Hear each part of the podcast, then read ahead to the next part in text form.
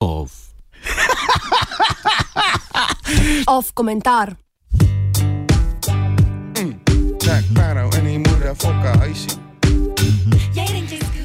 Ustavite sodišče, hočem izstopiti. Jy het 'n tattoo van 'n slang op jou tette. Mednarodno kazensko sodišče, bolje znano pod angliškim nazivom International Criminal Court, krajše ICC, je bilo ustanovljeno leta 2002 na podlagi štiri leta starejšega rimskega statuta. Uradna naloga sodišča, sedežem v nizozemskem Hagu, je preiskovanje in sojenje v primerih hujših zločinov proti človeštvu, genocidov in vojnih zločinov. Vendar pa jurisdikcija tega sodišča ni globalna. S pomočjo že omenjenega rimskega statuta lahko 192 članic Združenih narodov razdelimo v štiri kategorije. In sicer na tiste, ki so ga podpisale in ratificirale, tiste, ki so ga le podpisale, tiste, ki ga sploh niso podpisale in tiste, ki so umaknile svoj prvotni podpis. Posebej zanimiva je zadnja skupina, saj vključuje zaenkrat le Sudan, Združene države Amerike in Izrael, zna se pa zgoditi, da bo v kratkem seznam nekoliko daljši. Want jy hang saam met models en ek hang saam met slette. Want ek's 'n rapper en Nedavno so tri afriške države, Burundi, Gambija in Republika Južna Afrika, formalno obvestile Združene narode o svoji nameri po izstopu iz ICC-ja. Podobne odločitve sta sicer že izglasovala parlamenta Kenije leta 2013 in Namibije leta 2015, a nikoli nista uradno pritisnili gumba za izstop. Glavni očitek iz afriških držav, ki leti na ICC, je, da so imperialistično orodje Zahoda, zamenjeno oziroma namenjeno izključno pregonu afriških voditeljev ali International Caucasian Court, kot se je nedavno skratica poigral eden od ministrov gambijske vlade, kar bi lahko prevedli kot mednarodno belsko sodišče. Poglejmo statistiko.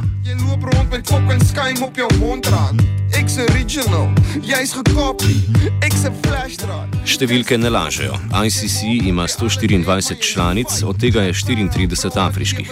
V 14 letih obratovanja je toživstvo pripravilo 36 obtožnic, vse proti Afričanom.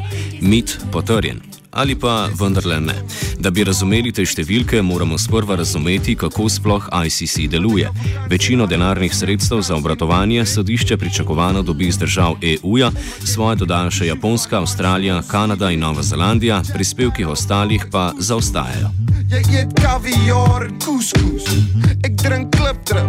Jy drink Peroni. Jy het vriende in Swede. Ek het vriende in Benoni. Ek koop al my klere. ICC lahko začne preiskave v treh primerih. Prvič, če je zločina obtožen državljan ene od, državic, od držav članic.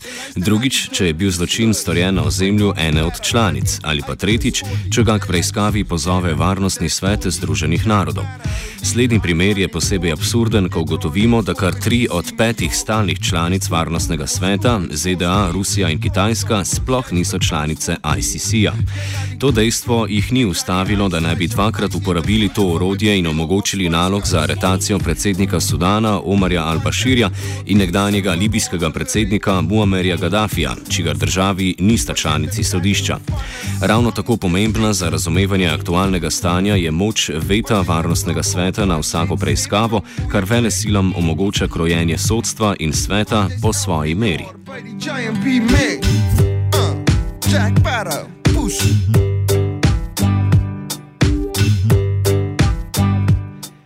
V tem kontekstu postane odgovor na vprašanje, zakaj ICC ne preseganja, ne pre, oziroma se pravi čujem. V tem kontekstu postane odgovor na vprašanje, zakaj ICC ne preganja evropskih premijejev ali ameriškega predsednika, popolnoma jasen. Pa vendarle, kaj je z ostalimi zločini, ki niso bili storjeni na afriških tleh? Toživka Fatou Bensouda, ironično nekdanja svetovalka gambijskega vladarja, je v zadnjih letih poskusila izboljšati legitimnost sodišča na tem področju. Nedavno je ICC odprl svojo prvo uradno preiskavo izven Afrike in sicer v Gruziji o zločinih storjenih med vojno leta 2008. Preliminarne preiskave potekajo tudi v Afganistanu, Kolumbiji, Iraku, Palestini in Ukrajini. Šele rezultati teh preiskav bodo povečali legitimnost ali pa le utrdili ICC-jevo realno nemoč. Met die pip stores broek. Ek watch jou, jy koek 'n loer ou. Jy voel dit nog ven en koekemoerjou. Zakaj torej je 34 afriških držav sploh prostovoljno pristopilo k rimskemu statutu? Razlog lahko verjetno najdemo v sporazumu iz leta 2000 med EU in 78 afriškimi, karibskimi in pacifiškimi državami. Kotonujevski sporazum, poimenovan po največjem beninskem mestu, kjer je bil podpisan, zagotavlja revnejšim državam pomoč pri razvoju in vključevanju v svetovno gospodarstvo, v zameno pa od njih zahteva sodelovanje v mednarodnem kazanskem pravu. Za razliko od večine 78 držav podpisnic je članstvo v ICC v Aziji bolj izjema kot pravilo.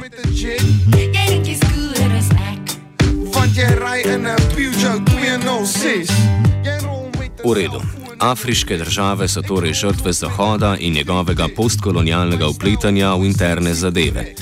Ne ravno. Uganda, Demokratična republika Kongo, Srednja Afriška republika in Mali so države, ki so same pozvale ICC k procesiranju zločinov storjenih na njihovem ozemlju.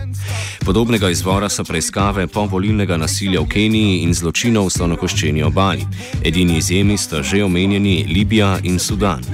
Jy's 'n mondblank. Jy loop rond met fucking skuim op jou mondrand. Ek's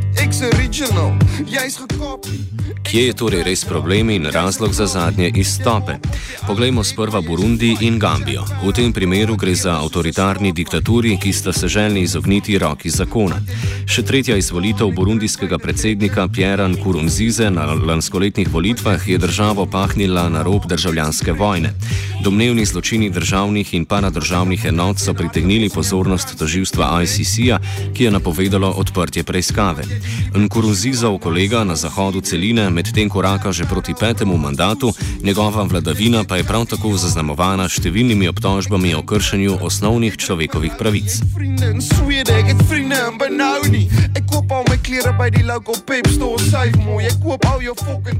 Republika Južna Afrika oziroma bolj natančno njen predsednik Jacob Zuma nista predmet obtožb ali preiskav ICC-ja.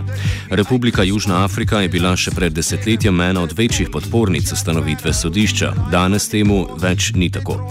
ICC sam nima moči za aretacije obtožencev, zato se mora zanašati na svoje članice. Kot taka je bila Republika Južna Afrika dolžna pridržati in izročiti sudanskega predsednika Umarja Al-Bashirja sodišču, ko se je potepal po jugu celine, a tega ni storila.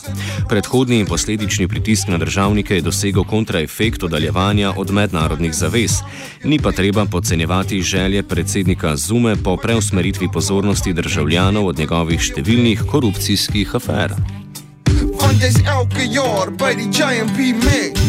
Uh, Jack Barrow, push.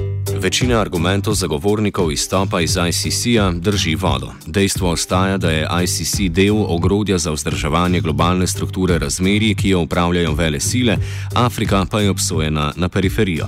Mednarodno kazensko sodišče je zelo, zelo daleč od ideala, a ostaja dejstvo, da je že večkrat posredovalo v primerih, kjer bi bile lokalne afriške oblasti neuspešne. Nedavni prim primer uspešne obsodbe nekdanjega čadskega diktatorja Hisena Habreja na posebnem sodišču Afriške unije v Senegalu ponuja alternativo, a gre za majhne korake, saj bo vzpostavitev takšnih sodišč vedno pod vplivom partikularnih interesov močnejših držav članic. V bistvu tako nekako kot pri ICC-ju. Ek kom met rou beats. Jy lê en wag. Ek gaan soek iets. Jy's iced tea. Ek's wit blits. Jy's light beer. Komentiral je Anton.